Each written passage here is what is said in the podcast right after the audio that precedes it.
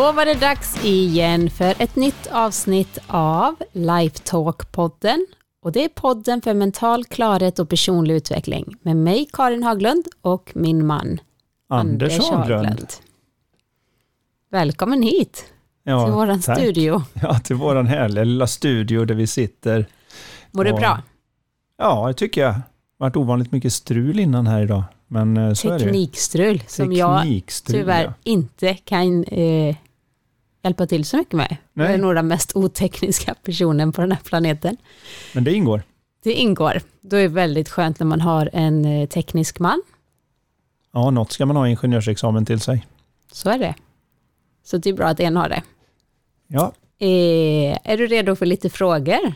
Ja, vi rullar rakt igång här, det är lika bra. Och för er som är nya lyssnare nu så bygger den här podden på att ni lyssnare skickar in era frågor om allting som rör mental hälsa, psykisk ohälsa, coachning, prestationspsykologi, mentalt välmående helt enkelt. Vi vill göra fler människor mer mentalt klara. Vi vill få fler människor att må bättre inifrån och ut och det börjar alltid i huvudet. Ja, det börjar i varje fall med en högre förståelse för hur vi människor faktiskt fungerar, snarare än hur vi kanske har blivit lärda att vi fungerar, hur vi har trott att vi fungerar, vilket leder till ganska stor frustration. Och eh, vi har kommit en hel del eh, på vägen här med att förstå vad det är som faktiskt hjälper. Och det är ju lite skönt. Så vi vill gärna ut och svara på frågor som ni har och se om vi kan göra någonting som var väldigt svårt eller till och med kändes omöjligt och kännas lite enklare efter att man förstår bättre. Precis. Så vi kör igång med första frågan Anders. Mm. Så här lyder den. Hej Anders och Karin. Jag älskar eran podd så bra. Jag har ett extremt kontrollbehov som jag märker av mer och mer. Antingen för att jag blivit mer medveten eller för att jag får ännu större kontrollbehov nu när jag har egen familj så mycket olika saker att hålla reda på. Vill gärna höra er diskutera detta. Kram till er och fortsätt inspirera. Mm. Kontrollbehov, ja. Mm. Det man kan säga ganska direkt är ju så här att osäkra sinnen har väldigt stort behov av klara regler. Medan när vi är avslappnade och känner oss trygga och säkra så tycker vi att integritet räcker. Och då har vi mycket lättare för att släppa på saker. Och märkligt nog så är det ju så här att ju osäkrare vi blir, desto mer tänker vi att om vi stadgar upp allting så måste det hjälpa oss. Och det är precis det som gör det värre. Så min metafor för det hela skulle vara om man tänker sig ett terrängfordon. Och så tittar man på att man ska ge sig ut bland stockar och gropar och höjder och allt man ska göra om man ska köra i riktig terräng. Då verkar det ganska logiskt att om jag kör en vanlig bil där så kommer den ju köra fast och den kommer att skakas omkring och gå sönder och allt. Så det mest logiska vore ju att säga så här, ja men då bygger vi ett riktigt, riktigt stabilt chassi. Någonting som verkligen är stenhårt som kan fixa det här. Och om man då gör det, då händer ju följande och det är det som man skulle märka om man körde racerbil under minsta förhållande där det är bumpigt och det är det att då skakas man omkring riktigt mycket inne i kupén. Därför att när det är stelt på utsidan så även om det känns som att det ska hålla emot allt det ojämna så varje liten ojämnhet känner du och studsar. Så ska man få ett riktigt bra terrängfordon då får man göra så som militären gör. Man sätter många hjul på varje sida och varje hjul får egen fjädring så de kan studsa omkring helt kaotiskt. Vilket gör att om du tittar på ett sånt fordon när det kommer åkande i terrängen så studsar bara hjulen åt alla håll och det är kedjor och det är allt möjligt. Men inne i kupén är det lugnt och stilla därför att man tar in varje, varje grej och flexar mot den istället. Och jag vill påstå att de flesta gör samma sak med vad de har mellan öronen, vilket innebär att ju osäkrare de känner sig, ju mer rigida blir de i sinnet. De tappar sin flexibilitet, de tappar sin humor. Uh, och de, tänk, de gör ju det med goda intentioner. De gör det för att de ska så att säga, klara av den hårda terrängen som det kan innebära ja, att ta sig igenom livet ibland. Eller ha en familj. Eller ha en familj då där, vi. där vi vet barn. hur kaotiskt det kan vara. För att det är ju inte det att och där får man också titta på det. Här. Är man ute efter att barnen ska lyda eller är man ute efter att de ska växa upp och bli fritänkande individer som kan göra vad de ska? Och I många fall vet man ju själv som förälder att man väldigt gärna ibland skulle vilja ha dem på fjärrkontroll och kunna avgöra att nej, nu sitter du ner och nu äter du och nu sitter du tills du har ätit färdigt och sen så ställer du bort din tallrik och så laddar du den diskmaskinen och så städar du efter dig och går därifrån. Då skulle livet vara så enkelt om du bara lydde mig. Men det blir ju alltid det blir fel till slut när vi får det så strikt. Och Många samhällen har ju försökt med det här. Man försöker vara extremt strikt så att nu är lagarna hårda och minsta förseelse har hårda straff och tänk annorlunda än vad vi tycker att du ska tänka så är vi på dig direkt. Liksom. Vi vill ha någon sorts homogenitet precis överallt. Det är ju ett extremt kontrollbehov. Men vad som händer i alla de länderna där man gör så, det är att man får rikta gevären inåt för att folk inte ska fly ut. Medan i länder där man är mer flexibel och inser att vi är väldigt olika. Vi tar ett land som USA, man kan kritisera det på många sätt. Men de måste ha gevär riktade utåt för att folk inte ska hoppa in i landet. Så oavsett vad man tycker rent politiskt, vad man tycker, så kan resultaten ljuger inte. Det går inga roddbåtar från USA till Kuba, de går från Kuba till USA. Alltså tycker människor att det är någonting med friheten där, även om det innebär att man får en tröskel där du har ovanligt många uteliggare och väldigt mycket människor som sätts i fängelse och allt vad det nu än är. Men de har bestämt sig för att vi låter det tänka fritt, vi låter det vara kaotiskt. Och hjulen studsar åt alla håll och det är bråk mellan olika hudfärg och det är bråk mellan politik och det är bråk mellan... Men det är ändå det bästa vi har än så länge, vilket visas av vilket håll som gevären är riktade.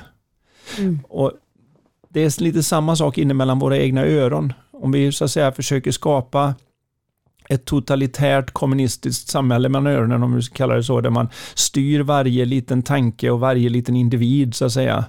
Ja, då kommer du få rikta gevären inåt för att folk inte ska fly ut från det.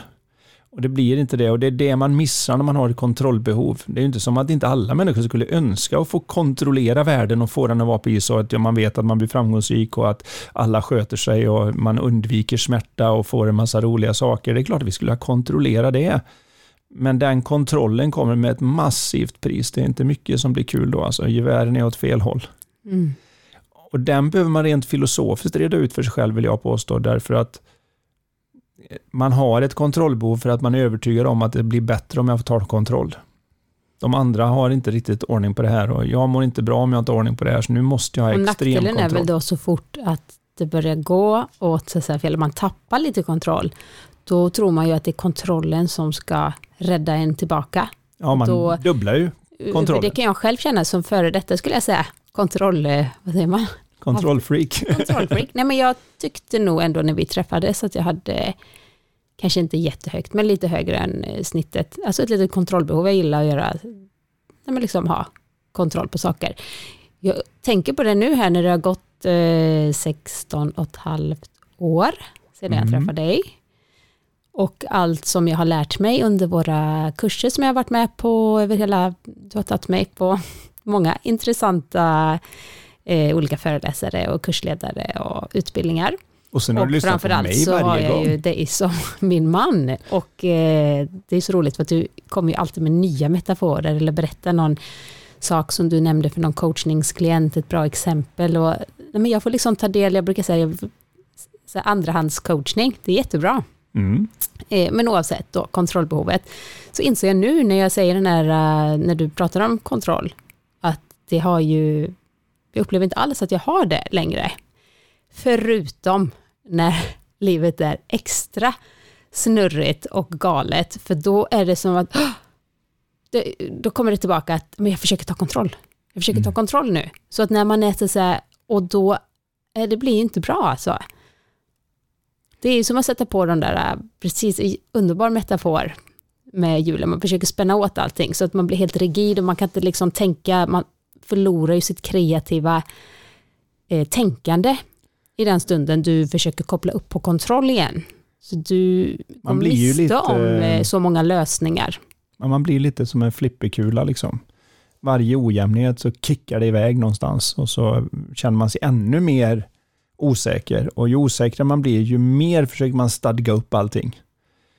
Och så glömmer man av att om vi alla slappnar av och har lite roligt så visar det sig att våra mentala verktygslådor öppnar sig och så klarar vi allt det där som vi inte kan klara när vi blir så rigida i sinnet. Och Min andra metafor för det där, det är ju helt enkelt skillnaden på att man behöver lite utbildning för att se att vatten, is är samma material. Det känns lite självklart för de flesta nu när det börjar bli kallt och man får gå ut och skrapa rutor på morgnarna och allt vad som kommer med att det blir kallt. Men det kräver en del ändå att veta att ett glas vatten och den där isbiten som man kan dunka någon i huvudet med och det gör ont. Det är exakt samma sak. Och Våra sinnen tycker jag är lite grann så. Man kan ju bara prata i metafor om hur det formlösa bakom livet fungerar. Och Den här metaforen handlar lite grann om att allt vi gör har så att säga vatten och istillstånd. Så när vi är lugna, harmoniska och vad vi då brukar kalla i den här podden mentalt klara, eller vad du nu vill göra, state of mind säger man på engelska. Man är in a good state of mind. Då är man som vatten, man är flexibel, man rör på sig, man flyttar sig. Mm. Kommer det ett hinder så går man runt. Man har inga problem. Om, du, om någon skriver en oförrätt i vattnet, så när du försöker titta dit två sekunder senare kan du inte läsa vad som stod, så du tar det inte med dig. Men när du stelnar och blir till is, då ser det ut som man är två helt olika människor. Så har du en människa som är ekonomisk när de är vatten. Och det vill man ju mm. ha. Jag tror att varenda företag vill ha någon ekonomichef som är ekonomisk. När de blir till is så blir de dumsnåla. Och sparar de kronor och förlorar tusenlappar. Alla vill ha någon som är passionerad. Vem vill inte ha någon som är passionerad verkligen och bara wow. Och är sådär med på allting.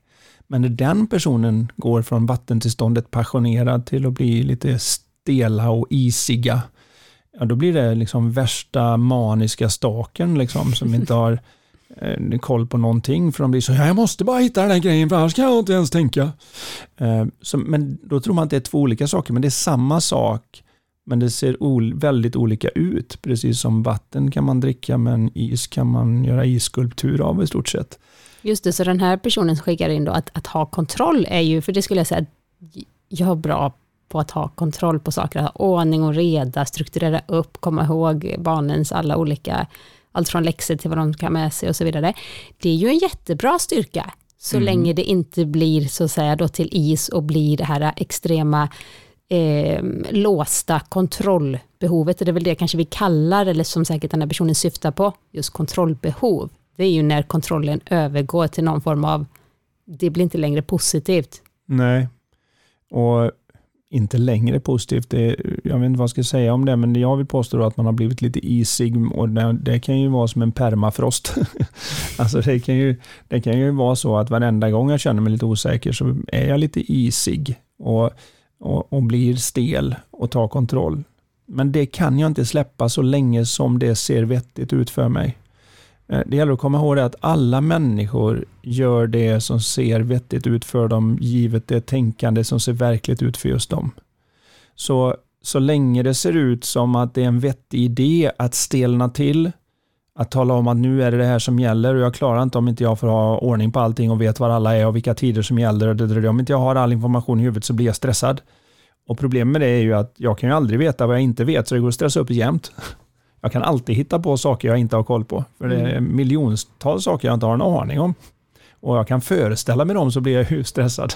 Så när jag väl har antagit kontrollbehovet så kan jag bli stressad oavsett hur mycket kontroll jag verkar ha. Det är bara att sätta tanken i att allt som jag förmodligen inte vet om just nu. Allt som skulle kunna hända som inte jag har kunnat förutse och så vidare. Så det, det är just den här att jag rent filosofiskt för mig själv behöver reda ut. Är det vettigt att bli is? eller funkar jag alltid bättre som vatten?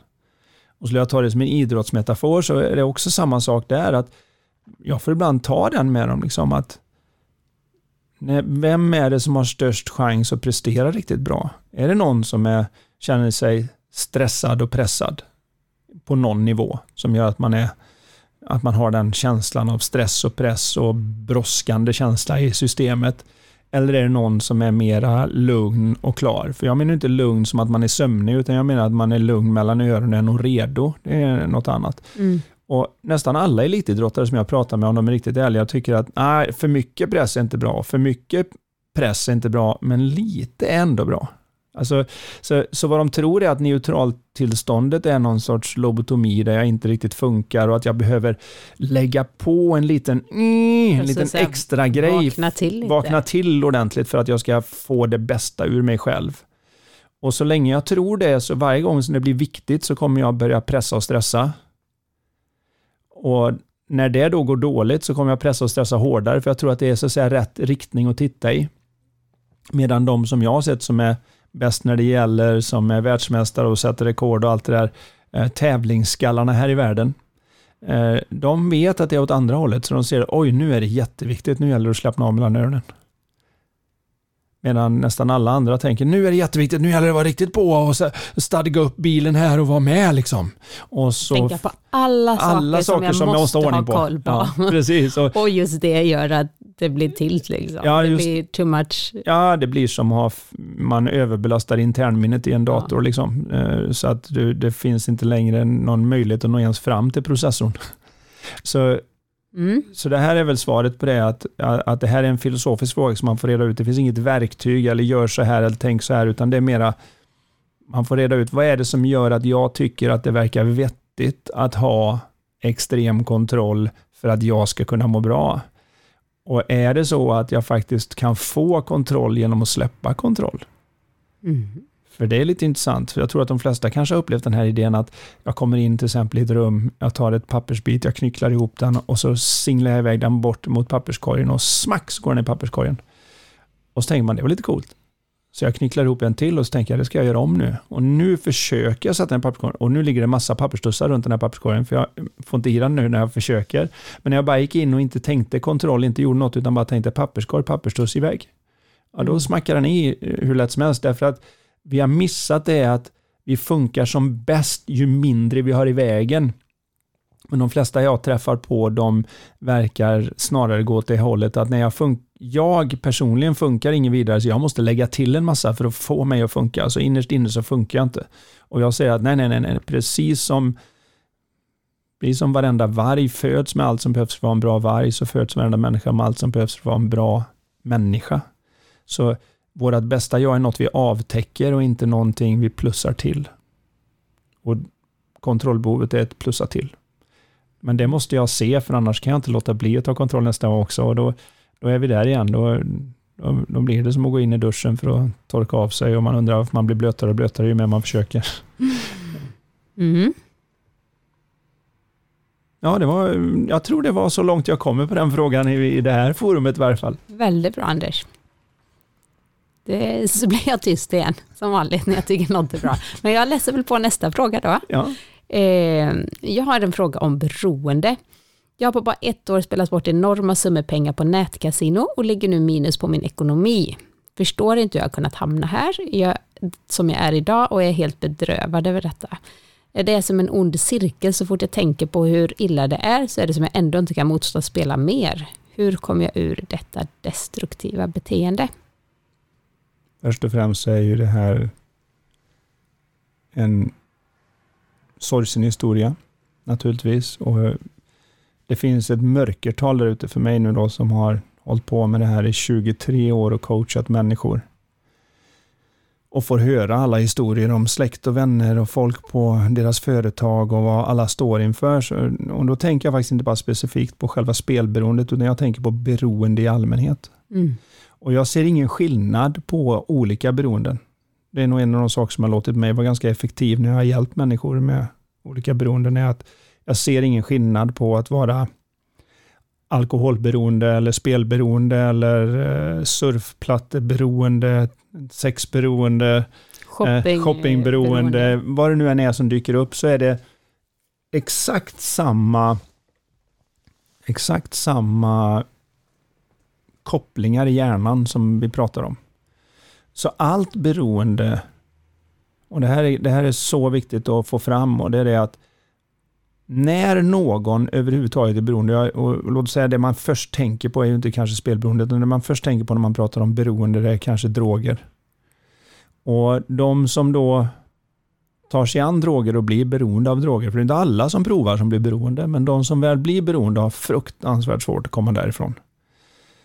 Och vi kriminaliserar drogberoendet därför att vi tror att det kan styra beteendet. Och då missar vi att det här är inte en beteendefråga.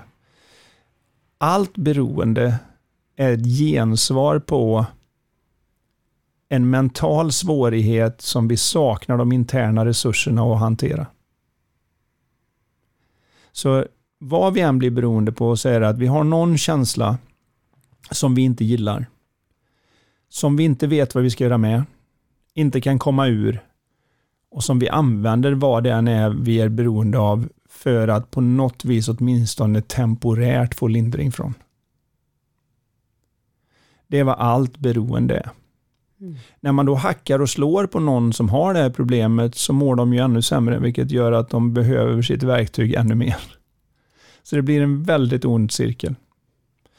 Så det första att se är att det här är väldigt mänskligt. Det har med dopaminnivåer och allt möjligt, men i, i grund och botten så är det bara det att se att beroendet är inte ett problem. Beroendet är lösningen för den personen, för de har inget annat de kan komma på att göra när de har en känsla som de inte orkar med.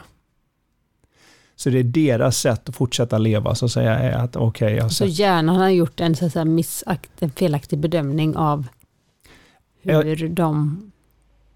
Ja, man kan väl säga att man har gjort en en oskyld, man har fått ett oskyldigt missförstånd om var Just känslan det. kommer ifrån. Och man kan inte riktigt reda ut det för sig själv, när man har den här obehagliga känslan. Så vad jag än råkade på, där jag upplevde att jag fick lindring, kommer nu bli mitt beroende. Och det behöver ju inte bara vara att till exempel då att ah, nu är jag obekväm, jag, jag, jag, ska ju inte spela, jag bara går in på Maria Casino eller vad det nu än är. Jag ska inte spela, jag ska bara kolla lite vad som pågår. Eller jag ska ju inte shoppa massa dyra saker nu. Här går vi igenom coronakriser och annat. Vi har inte råd med någonting, men jag ska bara kolla lite på Zalando. Jag ska inte köpa något, jag ska bara kolla lite. Det kan ju vara något sådär på rean på vad det nu än är. Och varje gång jag gör det här så är det egentligen, det, det bakomliggande är att nu har jag en känsla i kroppen som jag faktiskt inte har de interna resurserna att komma vidare med. Eller vara okej okay med. Eller vara okej okay med. Ja, men det är, det är lite samma sak. Okay. Mm. mm. För bara i den mån de ser jobbiga och verkliga ut måste jag börja hantera överhuvudtaget.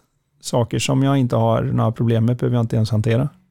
Så det är lite som acceptans när många pratar om det. Man måste acceptera saker och det enligt mig är det lite för sent. Då har tåget redan lämnat stationen. För saker du behöver acceptera har du redan bedömt som att de är dåliga på något sätt. Annars har du mm. behövt acceptera dem.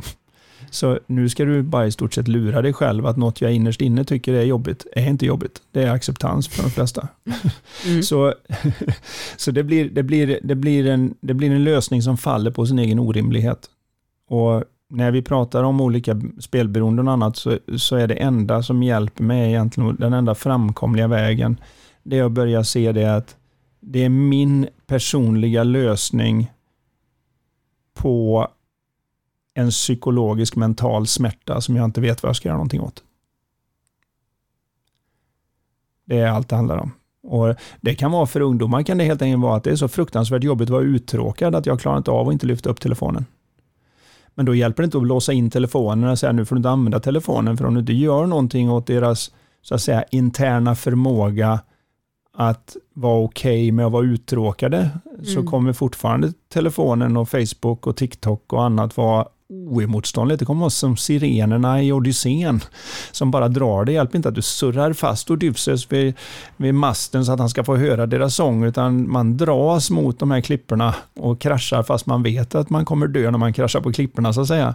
Och därför så har det, har det traditionellt i samhället så har man ju sett det här som någon sorts viljestyrkeproblem eller något hjärnproblem eller något annat. Men det, vi har missat att det här bara är en, en, en mental smärta som människan inte riktigt vet vad de ska göra med. Och när den dyker upp så känns det oemotståndligt att dra sig mot sirenernas klippor igen. Och det kan vara mat, om det råkar, och det här är verkligen jag säger råka vara det.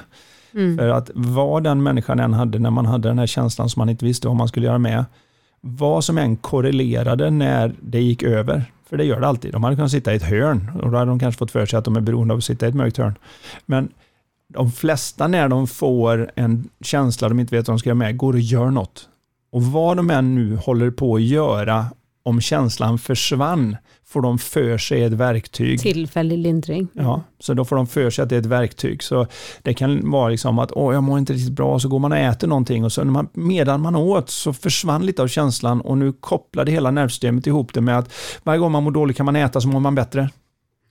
Och då ber någon överviktig person att säga det att du eh, bara äter mindre och rör på dig mer så det här är över. Det är, det är liksom elakt för det, det är det enda verktyg de i sin värld har för att Och ta de sig är genom livet. omedvetna om, tänker jag också. Det är inte så att de är medvetna om det här att Nej, nej. ja, nu eh, analyserar jag här att jag har den här känslan, jag kan inte riktigt, eh, ja, men jag mår inte riktigt bra just nu, så att eh, jag går som jag gjorde för tre dagar sedan till kylskåpet och alltså det här, det sker ju så bara ja, nej, eh, nej. direkt liksom. Det här är en chokladtårtekänsla. Ja, och, Nej. och det behöver jag nog nu. Nej. Nej, så är det ju inte, utan det är, det är bara, det är därför jag säger att det är ett sånt oskyldigt missförstånd. Har man tur, om man nu ska kalla det tur, så går man ut och springer när man mår dåligt och så mitt i spåret upptäcker man att man mår bättre och då är jag beroende av att springa. Problemet är ju det att, även om vi alla kunde säga det att åh vad härligt det hade varit om jag varit beroende av att springa istället för att spela, då hade jag ju bara blivit vältränad. Så Mm. får jag ett ohälsosamt förhållande till löpning för att nu, nu är det någonting som jag tror ska rädda mitt liv och jag kan bli väldigt, väldigt irriterad om jag inte hittar löparskorna eller och jag, jag har en tendens att springa lite mer än vad jag borde och kan bli skadad och övertränad för att jag springer inte för att jag ser att det är vettigt och för hälsan, jag springer ifrån min känsla. Då Försöker i blir varje det fall. maniskt istället för ett, ett hälsosamt beteende. Ja, och då blir det en ångest i sig är med. För jag vet att jag kanske istället borde ha ätit middag med familjen, men hej då, jag går och springer. Så Så man kan inte låta kan bli. inte låta bli. Och det är det som är skillnaden, för det är bra ut att springa. Och vissa saker behöver vi shoppa. Man kanske behöver en väska, det är jättebra Mm. att ha en väska och samla sina saker i. Mm. Men det är skillnad på det, jag har köpt 17 stycken som jag knappt har råd med. Mm. Eh, och så, så det här nu då när vi pratar om spelberoende, att om man överhuvudtaget ska, det här är utanför scopet av en podd, även om jag har varit med om att en del faktiskt får ut någonting av den här diskussionen, där de tittar i en riktning de aldrig har tittat i förut. Där de inser att de har inte ett disciplinproblem, de har inte ett viljestyrkeproblem, de har inte ett hjärnproblem, de har ett oskyldigt missförstånd om att alla deras känslor kommer från tankarna i ögonblicket. Och att när deras tankeverksamhet blir låg så får de en låg känsla. Och den låga känslan kommer pågå tills tankarna har susat förbi. Men om de nu gick och spelade och fick någonting som då ockuperade tanken, distraherade dem från de tankarna, då gick det över medan de spelade och då fick de för sig att det var ett verktyg. Men när jag har spelat en stund så är inte det nyhetens behag längre. Och när det inte är nyhetens behag längre, då distraherar det inte lika mycket för det blir en automatiserad sak att göra. Och när det övergår i automatisering, då, behöver då stör det inte tanken. När det inte stör tanken, då får jag inte min lindring. Då måste man göra ännu mer. Då måste jag göra mer av det. oftare. Ja, då blir det som att jag tog en drink men det funkar inte för att somna så jag tar två. Eller Eh, jag åt det här men nu åt jag ännu mer och nu blir jag, jag vet att jag inte kan äta så mycket så nu måste jag stoppa fingrarna i halsen och bli av med det så jag kan äta igen. Och det, det finns alla handlar, men alla är samma sak. Alla beroenden som finns är 180 grader motsatt mot vad alla har trott så är de beroendet i sig inte ett problem utan problemet är, är egentligen den personens lösning på ett mentalt trauma, ett mental smärta som jag inte har haft de resurser jag behöver för att lösa. Mm. Det är väl så bra jag kan förklara det så här. Så jag. Men, så att, eh, men kan hon, hon eller han Mm. se någonting i, eh, i det här och, och märka av att det är inte farligt att ha den där känslan som har känts så farlig. Och att även de jobbigaste av tankar som för med sig de jobbigaste av känslor är lite som en tuff vinter. De, de kommer inte vara, det blir vår. Mm. Och det viktigaste är egentligen att låta dem passera.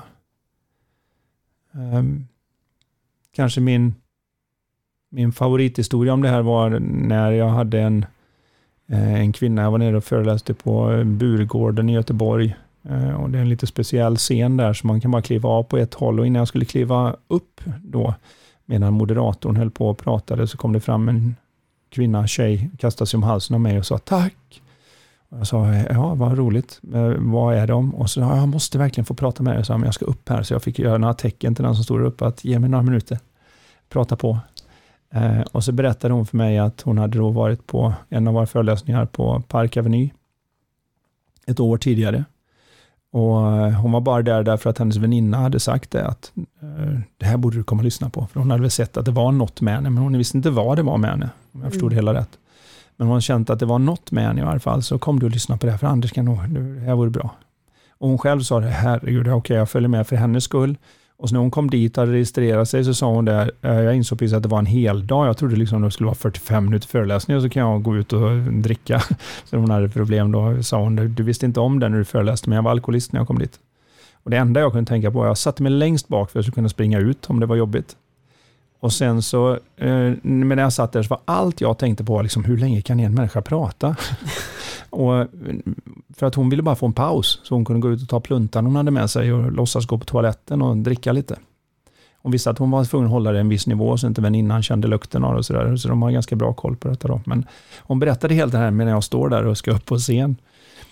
Och så sa hon det, skälet jag vill tacka dig är det att jag satt där och jag tunade ut, jag hörde inte ens dig. Men så rätt vad det var så berättade du någon grej om hur amerikansk kultur, eh, jag kommer knappt ihåg exemplet själv, men hon berättade för mig om, jag har använt något exempel om att hur amerikansk kultur exporterar idén om hur farligt det är att må dåligt.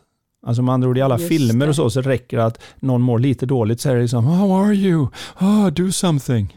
Medan Eh, och sen så är det så att du ska må sådär riktigt awesome, ska man vara i amerikanska filmer. Man ska vara liksom woohoo! Det, det är liksom det läge man ska vara i, annars är man inte riktigt amerikansk.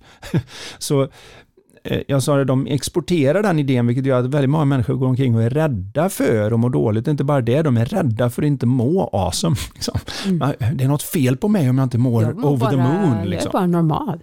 Och då så sa jag det, att, hade jag tydligen använt det här exemplet, att det är lite grann som om det kommer en buss och när bussen kommer, en stor och tung, så börjar det liksom vibrera lite i marken när man står där och väntar på hållplatsen. Och så precis när den kommer fram så man kan se den så blinkar den där skylten där framme, oro och ångest. Och man tänker, nej, oro och ångest, jag har ingen lust att åka till oro och ångest. Jag skulle till Partille. men, men jag vill inte till oro och ångest. Så bussen stannar och öppnar sig dörrarna. Och så tänker man, nej, jag vill inte, jag vill inte, jag vill inte. Och så gick, gick, går man på ändå och tänker okej, okay, och så får man åka på den där riden, hur lång den nu än är med den här panikångesten eller vad det nu än är för någonting. Och någonstans så vaknar man upp av att man har slängts av bussen. Nu har du åkt nog på din biljett liksom. Och vi är så rädda för den här bussen att det aldrig slår oss och låter den åka förbi, för det känns som att vi måste gå in och göra något åtminstone åt vårt öde. Men om vi hade låtit den åka förbi, så på den bakre skylten så blinkar det lite snällt, du är okej. Okay. Och hon berättade för mig, det var som jag hade fått en spik i mig nästan. Jag satt käpprakt upp. Jag hade inte hört något av vad du sa, men jag hörde det här. Och så insåg jag hur många gånger jag hade gått på den bussen varje gång jag fick den här otäcka känslan i kroppen att mitt liv inte var okej, okay, att jag inte var okej okay och allt vad det var. Och jag gick rakt på bussen och min buss hade öppen bar.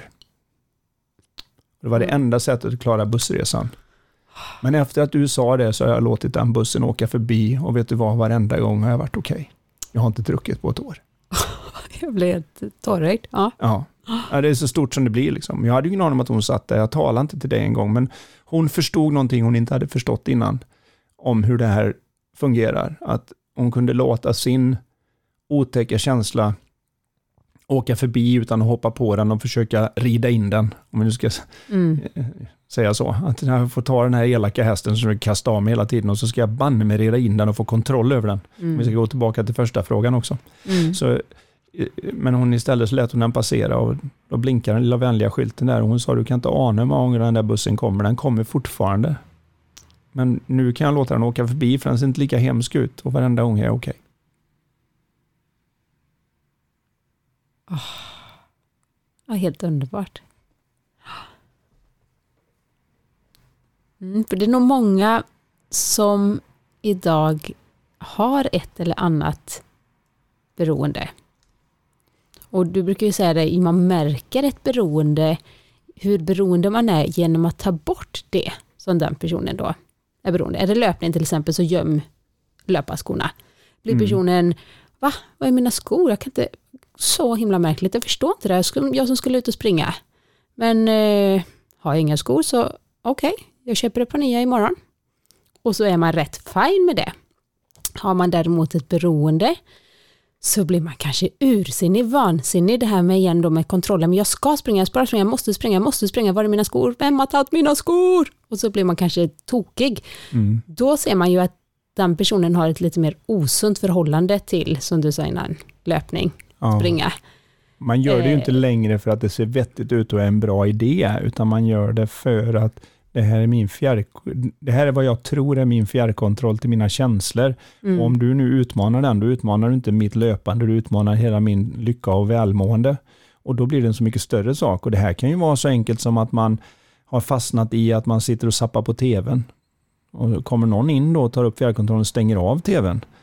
Eh, har man ett hälsosamt förhållande till vad man nu än tittar på, på Game of Thrones eller något som man har bestämt sig för att binge-watcha, så, så tittar man upp och säger Hej, alltså jag kollar på det där. Vill du prata eller varför stängde du av?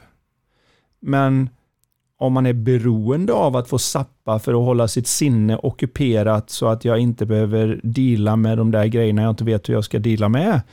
Då kommer jag få en helt annan reaktion. Då kommer jag vara, vad i helvete gör du? Jag kollar på det där. Ge hit Mm. den! Och man är nästan villig att slåss för att tillbaka den här fjärrkontrollen och sätta på igen. Och där har du lackmustesten på beroende kan man säga. Mm.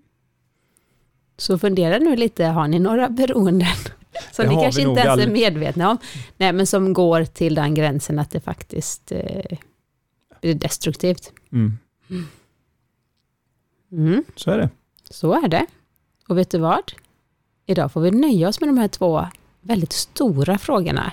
Jaså, har det gått så lång tid eh, redan? Ja, tiden går. var det och, värsta. eh, ja, men det Ja. var väldigt, väldigt, väldigt bra. Både just det här med kontroll och beroende och hur beroende faktiskt är ett oskyldigt. Och då tänker jag, sitter man nu fast i någon form av eh, destruktivt beroende, så genom att lyssna på det här hoppas jag att man eh, tar sig själv på lite mindre allvar, att man är lite snällare mot sig själv. Och Och framförallt inte inser- ser det här som att det är en att det är något fel på en, att man är ett måndagsexemplar för att man har de här problemen, utan du kan se att de här beroendefrågorna dyker upp i eh, drivor där vi ser mänsklig misär. Alltså med andra ord, väldigt ofta där folk har det som sämst och därmed har de minsta ekonomiska förutsättningarna för ett drogberoende, där är det ofta Just störst det. problem. mm, Och det är ju för att det är just ett gensvar och en lösning på mina, min mentala smärta. Därmed inte sagt att det inte är nästan lika illa på många ställen. Det är riktigt bra för de människorna, när de mår dåligt, har ju liksom kanske den adderade bördan över att varför mår jag dåligt som har det så bra? Och då kan vi se hur de här grejerna dyker upp också, fast då är det ofta lite mera high class droger om man säger så, som mm. som man tar sig an eh, i form av kokain och ecstasy och allt vad det kan vara. Men, men alla de här, bara man ser det, att det är inte att man har ett drogproblem, man har Varför egentligen är vi då hittat så fel himla lösning. rädda för att må dåligt, tänker jag? Är det Ja. just hela det här har byggts upp, att vi tror att det är farligt, att vi tror att vi... Jag tänker, vi är ju liksom...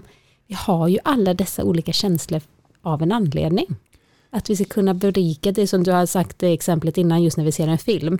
Hade den bara varit ditt, ditt, ditt, ditt, gud vad allt är bra och man vet redan att åh de är så kära och allting är så bra. Vi vill ju bli berörda. Vi vill ju gråta, vi vill ju kanske bli arga, vi vill bli lite ledsna och lite oroliga och nej, hur ska det här gå?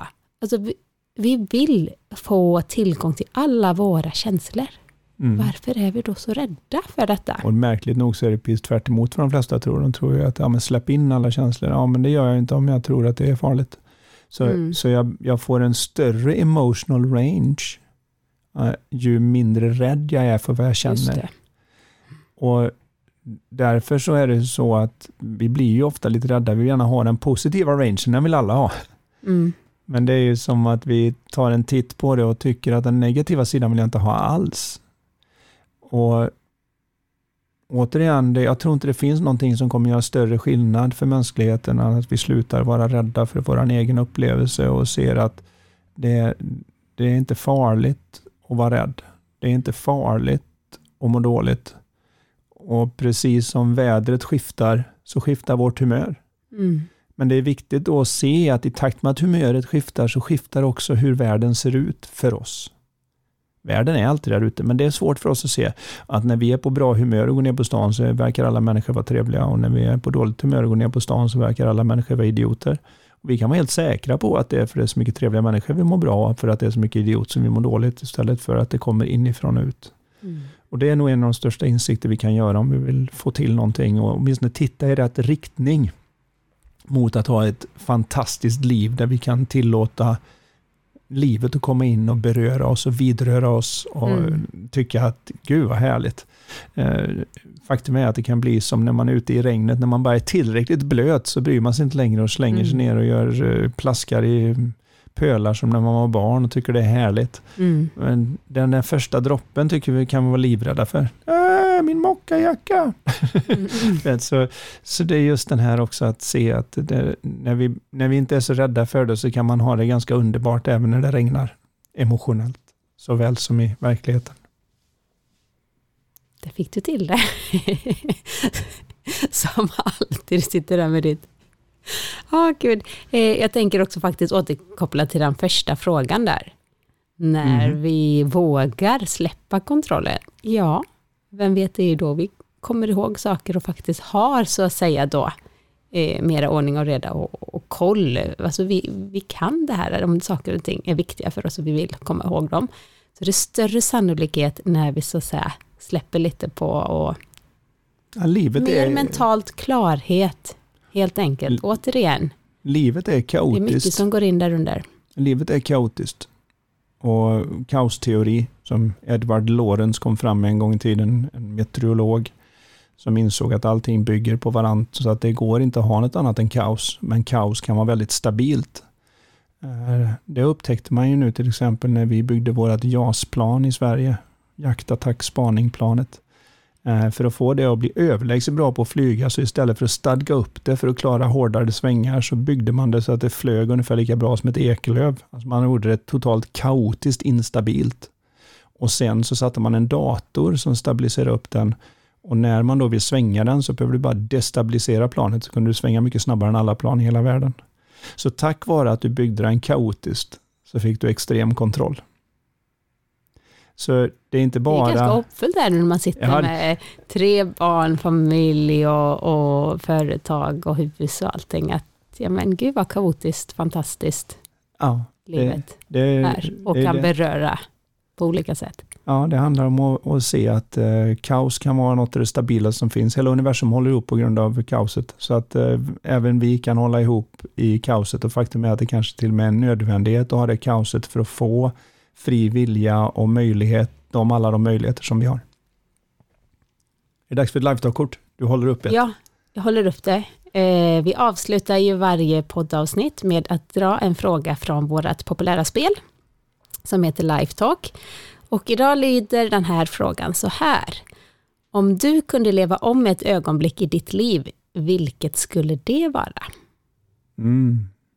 Mm, så får man fundera lite och återuppleva det här ögonblicket i sitt minne. Man kanske till och med också hinner fel. med tio Kanske flera. olika ögonblick för att kunna ranka upp dem. Så det är allt från den första kyssen till när man vann en tävling till när man träffade den som man sen bestämde sig för att man vill vara ihop med. Jag kommer ju ihåg exakt var, jag, var vi stod när jag första gången sa till dig att jag älskar dig. Mm, det kommer jag ihåg också. Det är en sån där grej. Wow. Det fick jag vara först med. Det fick du vara först med. Mm. Och det Vad var tur du höll med. fantastiskt för mig.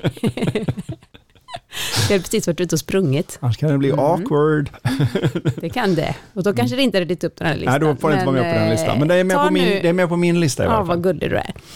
Nu vill jag att ni tar och funderar lite på det här. Och eh, så får ni hålla till god i två veckor till så kommer vi tillbaka med ett nytt avsnitt av Lifetalk-podden då med Ja. mig Karin Haglund och Anders Haglund. Ha Yes. det bäst! Ha det Hej då. gott! Hej!